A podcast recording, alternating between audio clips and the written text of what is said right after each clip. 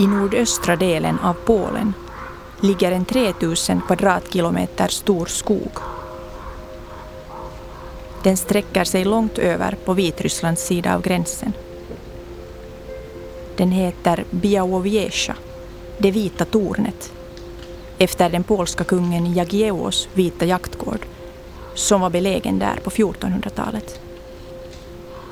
Den historiska jaktgården förstördes av nazisterna när de lämnade byn efter att ha förlorat andra världskriget. Och Röda armén rullade in istället.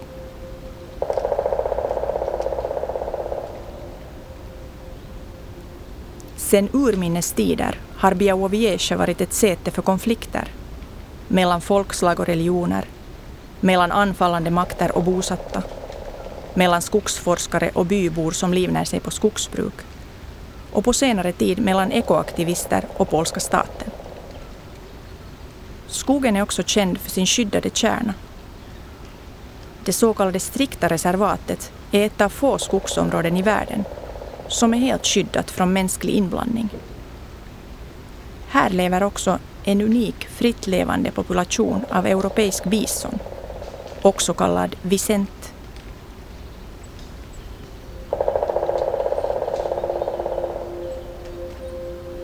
Jag är här på grund av biologen, djurpsykologen, skogsaktivisten, professorn Simona Kossak som bodde här. Och för att göra allmänna efterforskningar för min nästa bok.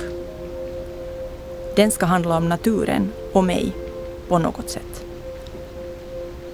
Och verkar det som om kvinnor som levt på andra sätt än normen föreskriver. Den är också tänkt att handla om mina egna, tills vidare inte superimponerande försök att leva mer ekologiskt. Du lyssnar på dokumentären Simona i den stora skogen. Jag heter Malin Kivelä.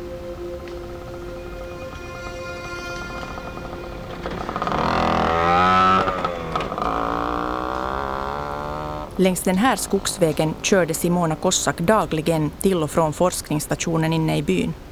Sommar som vinter, i snöslask, storm eller sol, på sin lilla moped av märket Komar, Myggan. On that side you have a wild part of uh, forest and here this is more lightning. Yes. På den ena sidan vägen är skogen mörk och snårig den här kulna dagen i december. Den hör till reservatet. På andra sidan är skogen ljusare, gallrad.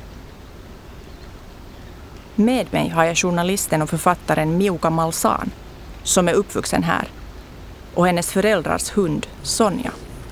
Sonja! Sonika!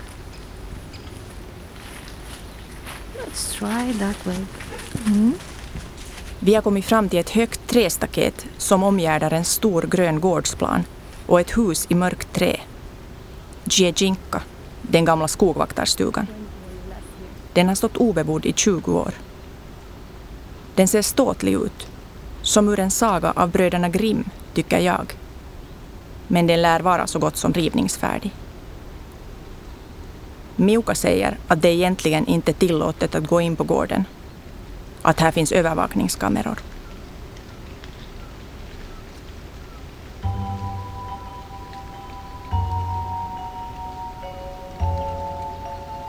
Men jag har färdats ända till nordöstra Polen. Jag vill röra mig över gården där grönsaker odlades och vildsvinet Sabka agera gräsklippare och luckra upp jorden. Där vetenskapskvinnorna och männen hade sina fester på 70 och 80-talen.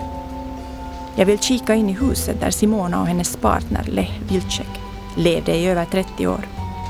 Med kråkan Korasek, åsnan Hepunia, taxen Sabinka, lodjuret, den svartsjuka geten, påfåglar, hönor, ugglor, rävar, hjortar och andra djur. Här lekte också Miuka som liten. Hon var den där flickan som hängde med på de vuxnas fester. Simona Kossak var hennes gudmor och Miukas föräldrar hörde till den närmaste kretsen. De som dansade och drack under den stora eken där borta. Nu är gården kal, tom på växter och djur och människor. Det duggregnar, blåser lite. En korp cirklar.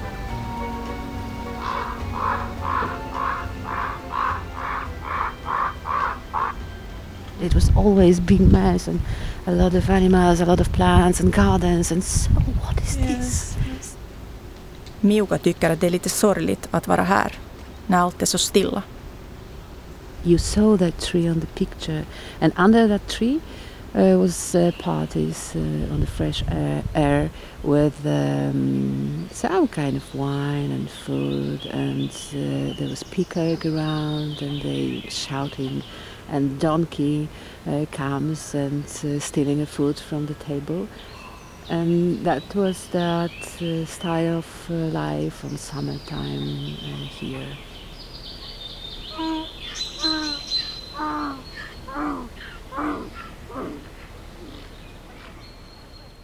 Allt började år 2017 när jag fick en förfrågan om att göra ett sommarprat för Svenska Yle. Jag ville inte avslöja några personliga tragedier eller berätta om min väg till att bli den jag är. Helst ville jag tala om klimatkrisen. För det intresserar mig att vi alla vet att den är igång och blir bara värre. Men ändå ändrar vi inte på vår livsstil. Frågan var bara hur jag skulle göra det.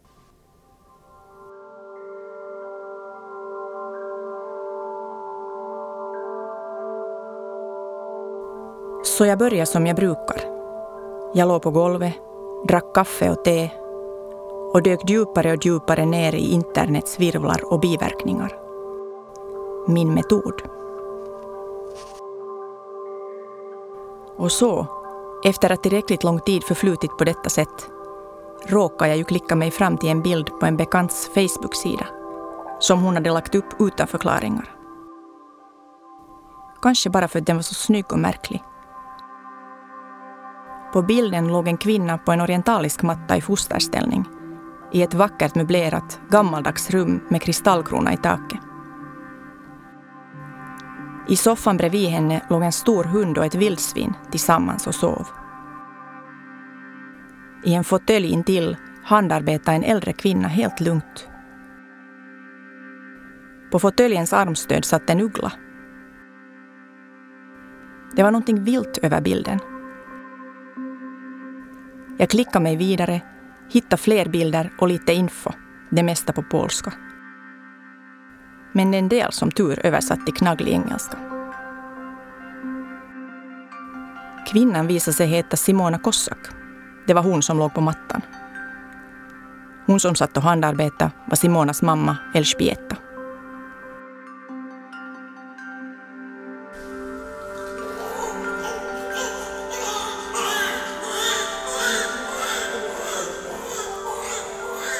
Simona föddes i Krakow år 1943 och dog i Białystok, 80 kilometer från Białowieża, 2007.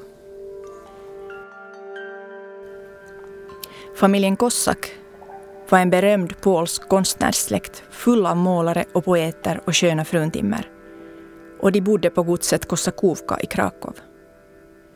Simona valde dock att studera biologi och att så fort hon blev klar med studierna flytta till andra sidan Polen, till den här skogvaktarstugan här i Białowieża-skogen. Texterna på nätet gav en romantisk bild av henne och hennes liv. Ensam, späd och ihärdig i urskogen, utan el och vatten. Boende tillsammans med en hunkig fotograf. Men var de ihop egentligen? Jag insåg, här glimmar ämnet för mitt sommarprat framför mig som en guldstjärna.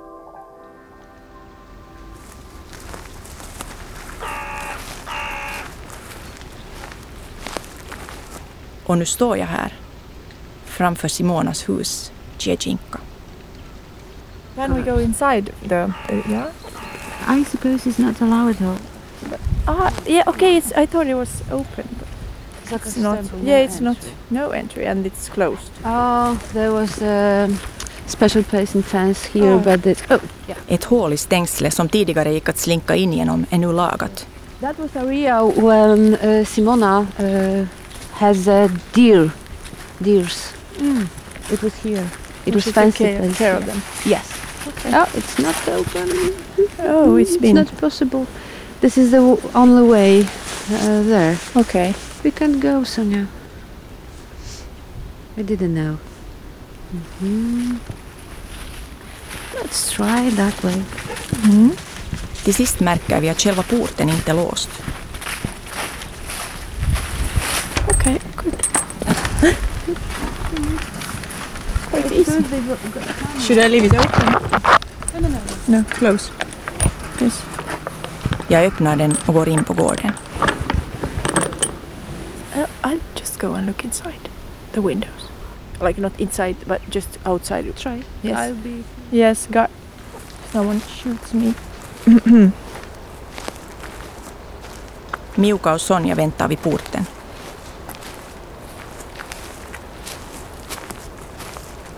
Där hade Leh sina solrosor, ropar Miuka och pekar. Där matar de hjortarna. Blåsten vajar i de stora träden. Det märks på luften att det inte finns folk på många kilometers håll.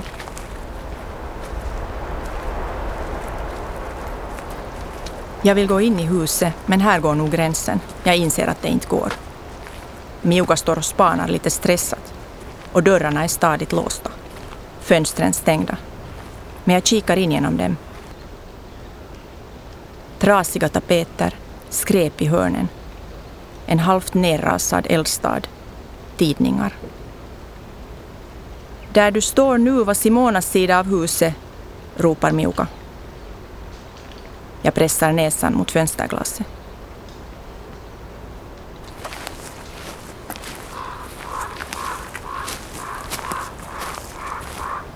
It looks very nice and very cozy, but there's no electricity here. There is uh, no water. It's well, of course, with the pump. But uh, in uh, 60s, 70s, it's not so easy to use the petrol because that's petrol for aggregate. You Det ser kanske mysigt ut, säger Miuka. Men här fanns ingen el och inget rinnande vatten. Det var inget lätt liv när det blev minus 20 och minus 30 på vintrarna. Att vara här på besök var som att åka på en tidsresa till 1800-talet med levande ljus, petroleumlampor, vedeldning och djur överallt. Men inte var det ju som på medeltiden ändå. De kunde ju köra in till byn och hämta saker. In the village, you can take a ba- basket of water Mm. and uh, clean yourself Mm. and uh, flat. So it it wasn't like in medieval Mm. uh, times the dirty place. Mm. No, but it was not a lot of water, and especially in the winter when it was minus twenty, minus thirty, and water was stable in the well. It was uh, some kind of problem. Mm. But uh, Skogsförvaltningen i Białowieża äger fortfarande normal De har tillgång till ett rum på övervåningen och håller huset stående nätt och jämnt. Men hur det ska gå med det i längden vet Miuka inte. Några år innan Simona dog flyttade hon och Leh ut. Huset var svårt fuktskadat redan då. Det var kanske på grund av huset som hon blev sjuk, säger Miuka. Miuka bävar inför vad som kan komma att hända nu. År 2015 utkom en biografi över Simona Kossak, skriven av den unga journalisten Anna Kaminska, som jag träffade i Warszawa kvällen innan jag kom hit. Boken blev en succé och gjorde Simona känd i hela Polen. Kaminska berättar bland annat att hon aldrig hade hört talas om Simona innan hon började med sitt projekt. Hon kände nog till den kossakska släkten, det gör alla i Polen. Hon skrev boken om Simona på uppdrag av sitt förlag. Men blev under arbetets gång så inspirerad att hon nu själv har flyttat ut på landet och förändrat sitt liv.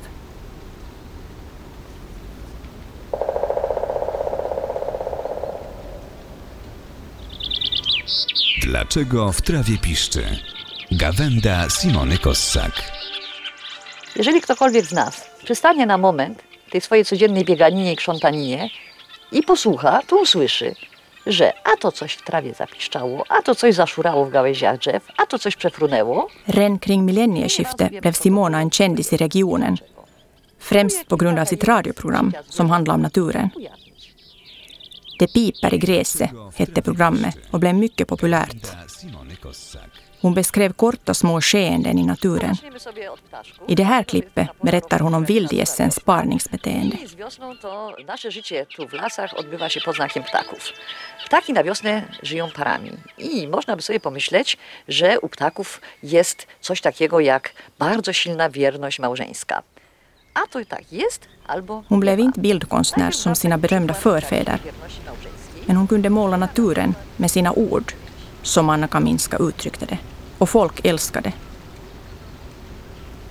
Redan under hennes sista tid på Tjechinka vallfärdade folk hit, tog sig in på gården. Det var svårt för Simona. Inte alls vad hon hade varit ute efter. En gång hotade hon dem med pistol. um, women uh, would like to see Simona as a powerful uh, woman in the middle of the forest and so on, and somebody who can do anything, somebody who choose her uh, style of life uh, very carefully, but without the uh, things which happens around her life, and without her scientific story and without the real face of that being here and uh, consequences Yes. to live uh, in Białowieża, so far away from civilization, some kind of civilization. So it's become simple and simple. Och nu har det uppstått en ny våg av framförallt kvinnor som vill se henne som någon slags supermänniska som noggrant valde hur hon ville leva sitt liv, säger Miuka. Jag bland annat, tänker för mig själv. Hoppas bara att Simona-museet, som nog kommer att komma, planeras på ett klokt sätt. Något slags Disneyland ligger inte långt till hands, enligt Miuka. Tur att du skriver en essä och inte en biografi, säger hon. Om man inte tar i beaktande Simonas vetenskapliga arbete och att hennes sätt att leva var hårt och hade konsekvenser blir det bara en enkel förljugen saga.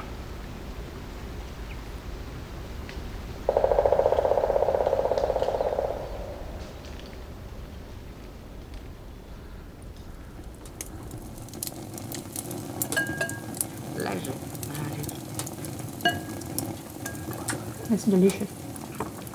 Dobra. Tato, dobra zupa wyszła bardzo. Molin mówi, że jest wspaniała. Molin mówi, że, że wiele potraw w Polsce smakuje grzybami, pachnie grzybami. Nie wiadomo dlaczego, ale Że co, co, co w po, że wiele pachnie? potraw w Polsce A, pachnie w ogóle? grzybami. Tak, U nas się często grzyby no używa. właśnie jakoś tak. Miukas föräldrar, Przemysław och Elżbieta Malsan, bor kvar i sitt stora gamla trähus i byn. Det är fullt av frodiga krukväxter och träd. Ryor, tavlor, djurfällar, påfågelsfjädrar, vackra lampor, böcker, möbler och eldstäder. I vardagsrummet, där vi sätter oss för vår intervju, har Przemysław och Elżbieta tagit fram fotoalbum och böcker skrivna och illustrerade av Simona och Leh. Plankgolvet knarrar, brasan knastrar och på väggen tickar ett gökur. Paret Malsan har bott här sedan 60-talet då Elshbietas forskarjobb tog dem hit till Institutet för däggdjursforskning där hon blev arbetskamrat med Simona. Hon har aldrig gett en intervju om Simona förr.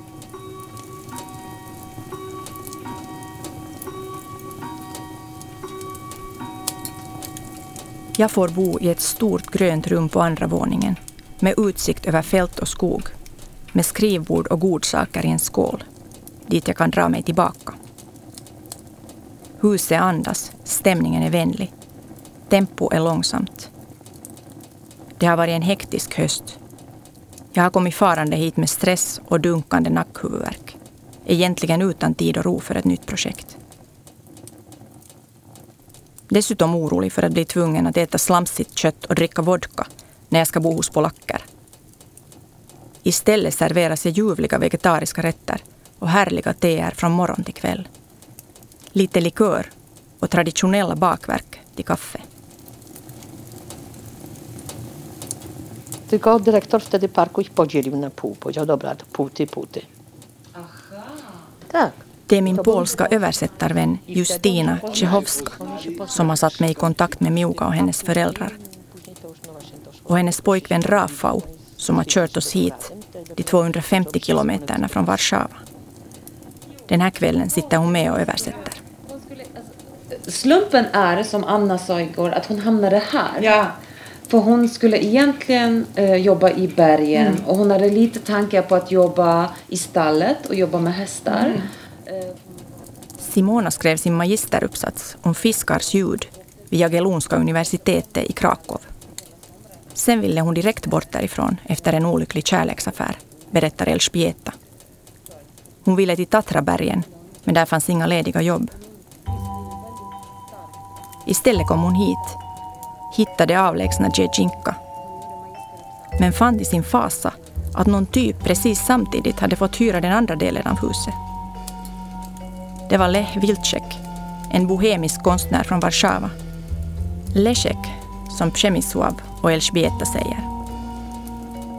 Han hade en fru i Warszawa som han lämnat där och som man inte visste om förrän efter hans död. Men han hade aldrig skilt sig från henne. I början avskydde Simona och Lech varandra och bara väntade på att den andra skulle ge upp med det primitiva boendet. Men sen blev de ett par. I mitten av 70-talet sågade de upp en gång mellan sina olika sidor av huset. När Simonas mamma var på besök, ofta i månader i sträck, smet Simona iväg till Lehs sida av huset på natten. Leh var inte tillräckligt god för en kossak, ansåg mamman.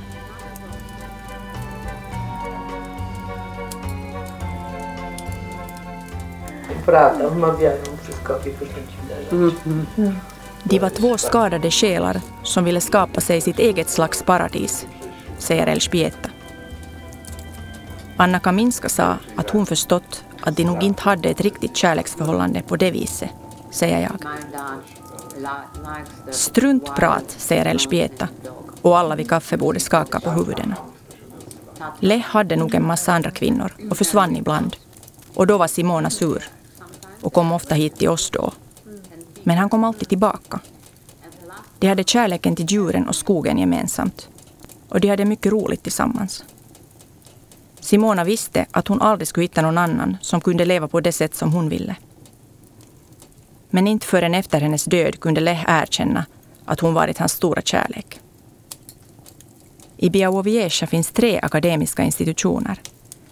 Forskare från Warszawa och andra större städer flyttade hit och umgänge mellan akademikerna var livligt också på fritiden.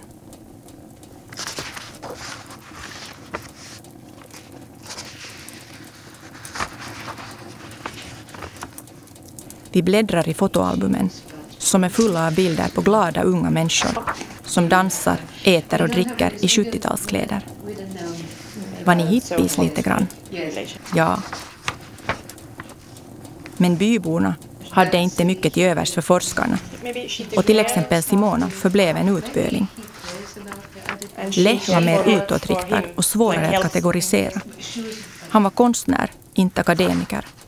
Han höll sig med bin och får, handlade med byborna, tog bilder. Han rörde sig fritt mellan lägren. He was a very charming person, and talking with him was very, very delightful. So a lot of women, and sh- uh, he was like gentleman, old style, and it was wonderful to to, to meet him. Really, And handsome in the pictures. yes, yes, yes, yes. So Simona var ingen ekokämpe. Hon var inte vegetarian eller så. Men djur var hennes passion. Hon var inte så bra med människor. Hon kunde vara lite tvär och eremitisk.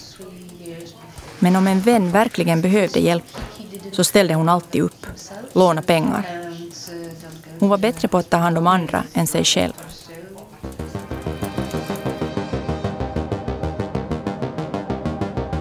Men på 90-talet förändrades saker och ting. Polen öppnades upp. Forskarvärlden förändrades.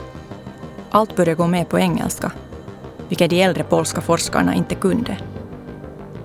Simona flyttade mer och mer in på sin arbetsplats där hon levde på cigaretter, kaffe och flingor och jobbade dygnet runt. Hon blev skogsaktivist och allt radikalare och mer envis gällande djurens rättigheter. Hon började kritisera andra forskare för bland annat deras metoder att spåra rovdjuren med spårningshalsband som kunde hänga dem. Hon lärde sig använda internet och började debattera där. Hon förhöll sig svartvitt och strängt och blev ovän med många, också sina närmaste. Hon grälade med Pshemek för han jobbar med skogsbruk. Vi gled isär, säger Elżbieta. Sista gången jag såg henne skulle hon åka in på operation till Białystok. Hon hade cancer, hade nog haft det redan länge. Hon försökte läka sig med örter från naturen, gick kanske inte i tid till läkaren. Hon stack sig in på min arbetsplats. Vi jobbade inte ihop längre. Hon sa inget speciellt. Jag undrar om någon visste hur allvarligt det var. Inte vi, inte ens Leszek.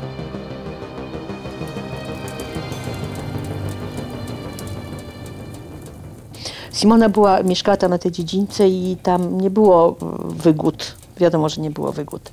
Vad är bästa minne av Simona, undrar jag.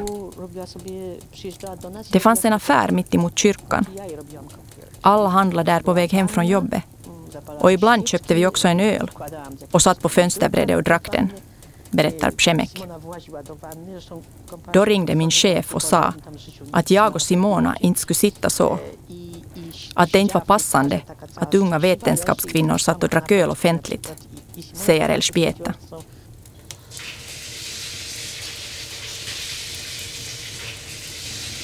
Simona brukar också komma till oss för att bada. Jag tappade upp ett bad åt henne, jättehett, tände ljus och hämtade små smörgåsar. Simona sa att det var de lyckligaste stunderna i hennes liv. Det var som ett litet spa.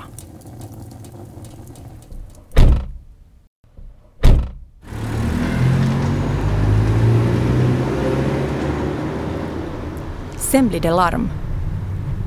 Bisonar har observerats på ett närliggande fält. Vi kör iväg i karavan över knöliga lervägar. Ser några höbalsliknande figurer, stannar.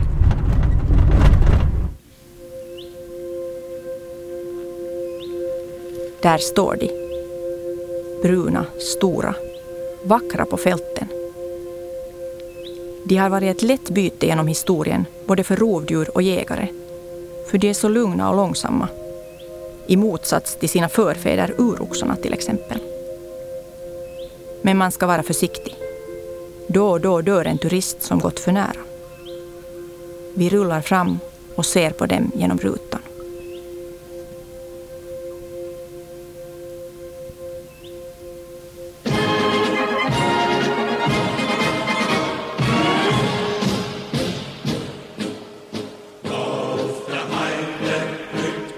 Kommer att tänka på National Geographic-dokumentären Hitlers Jurassic Monsters som handlar om nazisternas bisarra planer för Białowieża-skogen under andra världskriget. Hitler och Hermann Göring, som älskar att jaga, hade för avsikt att i Białowieża återskapa det mytiska Germania, den stora skogen som beskrevs redan av den romerska historikern Tacitus. Der Urwald. Vetenskapsmän anställdes för att genetiskt återskapa uroxar och andra prehistoriska djur som tarpaner som sen skulle utplaceras i skogen för att Göring och hans äktgermanska kompisar skulle kunna jaga urvilt. Ett gigantiskt jaktreservat med de största och vildaste bestarna för den ariska rasen att fälla. Tusentals Białowieżabor röjdes ur vägen, deporterades eller mördades. 34 byar brändes ner. Białowieża blev det första så kallade judefria området i det nya Tyskland.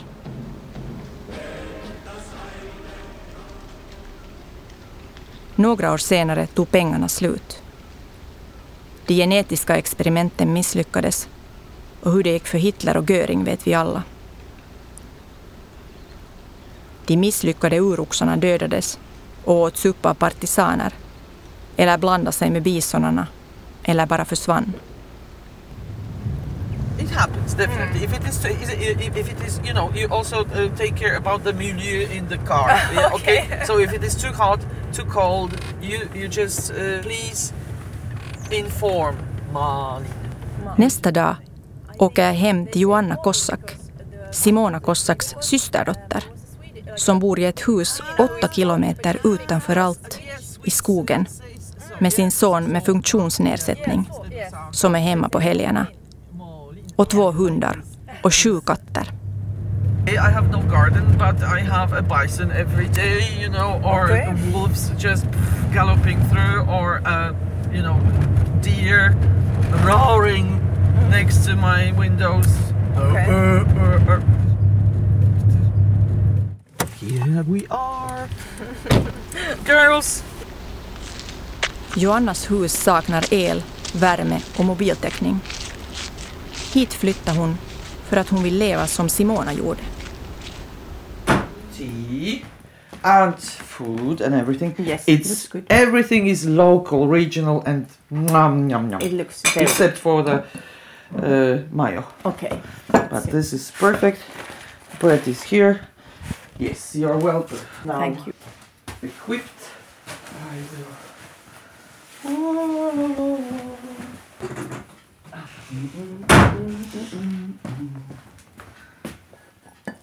My son's stuff.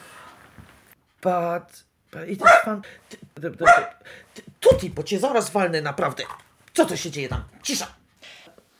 Yes. Yes. She, Simona Kossak was, uh, was my, my mother's sister, younger sister, three years younger.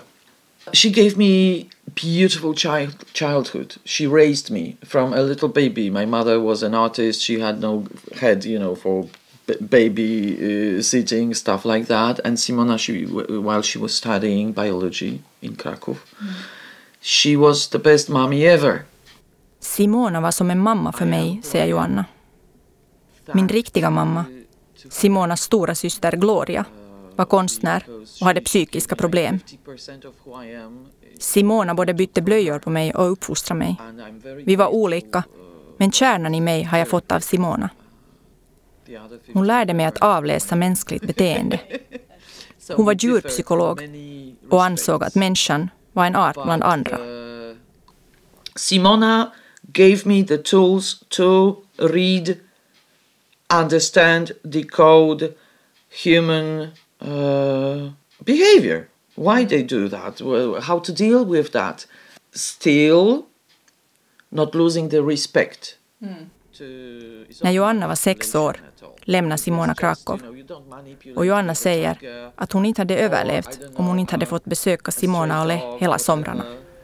I had no idea that it was the only, you know, the last piece of this nature in whole Europe.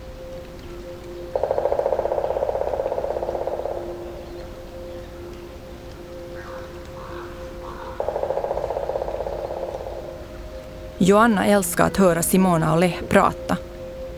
Om vetenskap, forskning, inget small talk. Simona var Joannas gudinna i barndomen. Senare upptäckte hon förstås andra sidor också och bilden komplicerades. Till the end of her life, I was her only foster child. Yes. But uh, why do you think she didn't have any children? Official version was that we are already overpopulated. I mean, the Earth is overpopulated. So we don't need more. Uh, so we definitely don't need anybody more. You know, like uh, it's enough is enough. När Joanna fick barn och valde att stanna hemma och sluta jobba förlät Simona henne aldrig. Hon ansåg att Joanna slösade bort sin intelligens.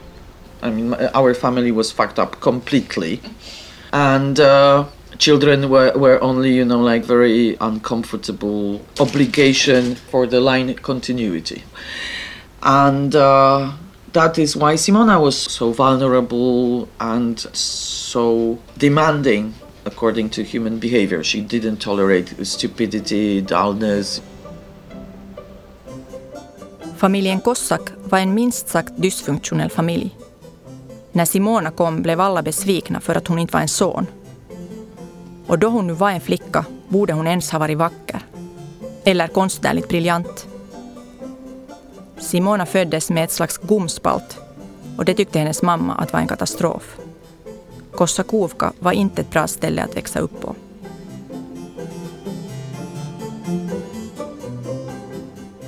Men faktiskt så hade ju Simona sist och slutligen en enorm påverkan, säger Joanna. Hon fick folk att intressera sig för skogen, att sluta tänka på ogräs som ogräs, att sluta bespruta sina odlingar med gift. Själv var hon full av ambivalenser och bearbetade aldrig sina traumor. She was full of contradiction.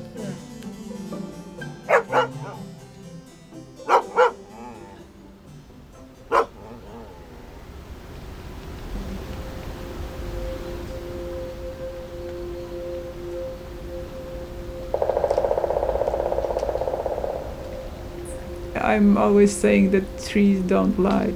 They sometimes they like to cheat, but if you know how to deal with it, uh, they don't lie. They cannot lie. Trädforskaren Eva Zin är före detta kollega med Elżbieta, eller Dr. Malsan, som Eva säger, och sitter numera i Simona Kossaks gamla arbetsrum. Hon har tidigare studerat bland annat i Skåne, men hon gillade det inte, för där fanns ju ingen skog. Nu forskar hon i skogsbränder på båda sidorna av gränsen i Białowieża-skogen. One thing I, which I love or which I like about trees so much is the fact that first they do not run away. Uh, so you don't have to chase them for two weeks, for example, uh, to capture individuals. The thing I like is the fact that they are rather objective in registering the, the conditions. And if you are able to read it, you can really read the history from the wood.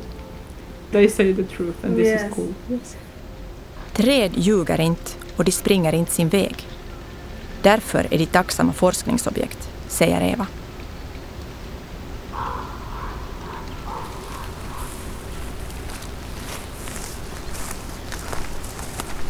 Eva är också skogsguide och nu ska hon ta mig till det strikta reservatet på en lagstadgad tur i två timmar.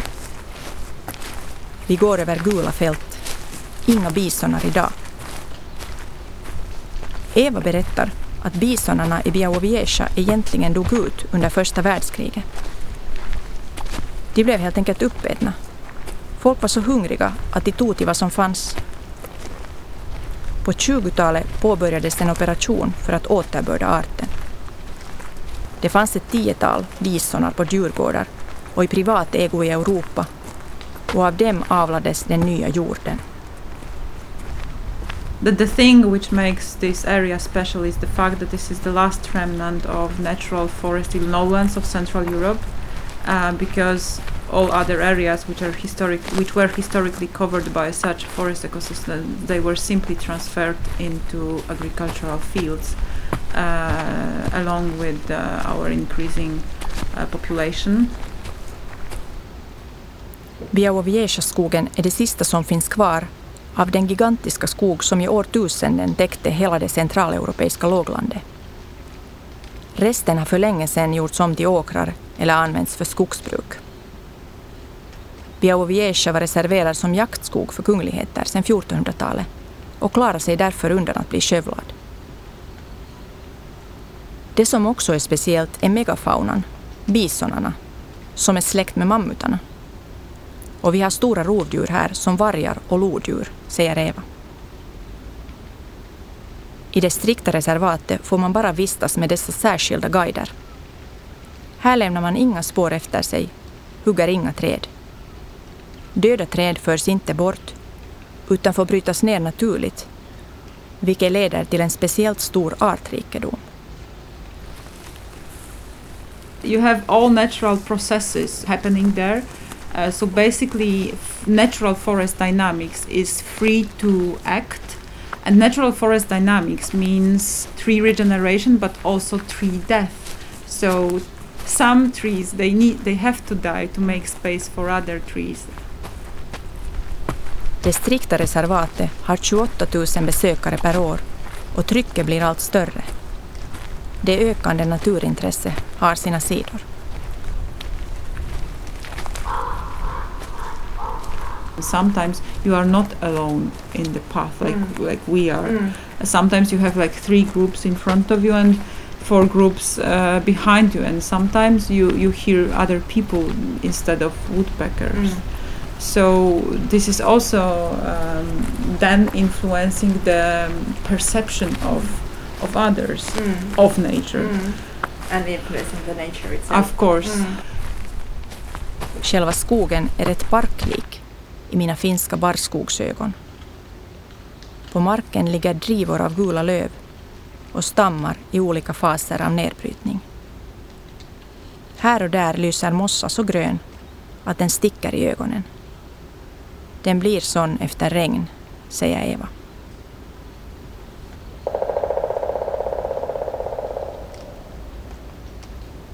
Jag tänker på att jag egentligen bor nära skogen hemma i Finland, men nästan aldrig går dit. Ändå tänker jag plötsligt att vi finländare faktiskt har ett ganska odramatiskt förhållande till skogen. Den hör till vardagen på ett annat sätt än i många andra länder. Absurt egentligen att jag åker ända till Polen för att gå i skogen, tänker jag.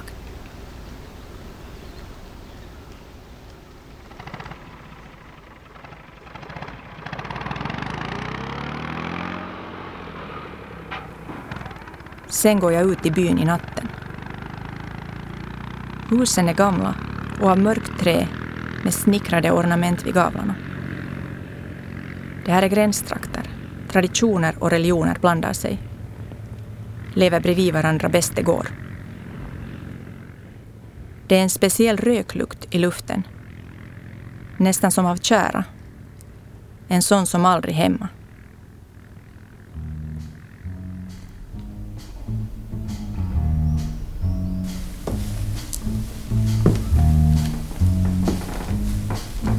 Jag går in på hotell Białowieski. Jag är ensam i matsalen, som får mig att tänka på filmen Ida med sina vita dukar och en touch av matos. Kvinnorna som serverar är vackert friserade och har vita förkläden. Jag tänker på Simona. Bilden av henne har grumlats, komplicerats. Jag inser mer och mer att den uppfattning jag haft om henne byggde på bilderna som mannen tog. På hans blick på henne, eterisk, sagolik, men alltid genom hans lins. Jag blir plötsligt avundsjuk på mig själv då jag inte visste just någonting, utan bara fick drömma. Men jag är också glad. Kanske för att folk försöker, lever tillsammans, berättar, minns, tar emot mig så vänligt. Mig, en främling. Jag beställer in två cappuccino på raken och antecknar. Jag kom för att finna den romantiska älvliknande varelsen med bambina i skogen.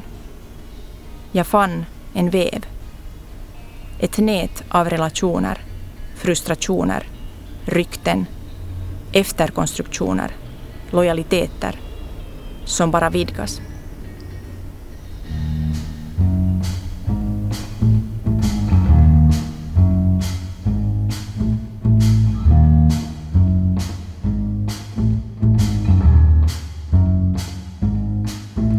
Har lyssnat på programmet Simona i den stora skogen om djurforskaren och skogsaktivisten Simona Kossak. Ljudplanerare var Jyrki Häyrinen, producent var Staffan von Martens och jag heter Malin Kivelä.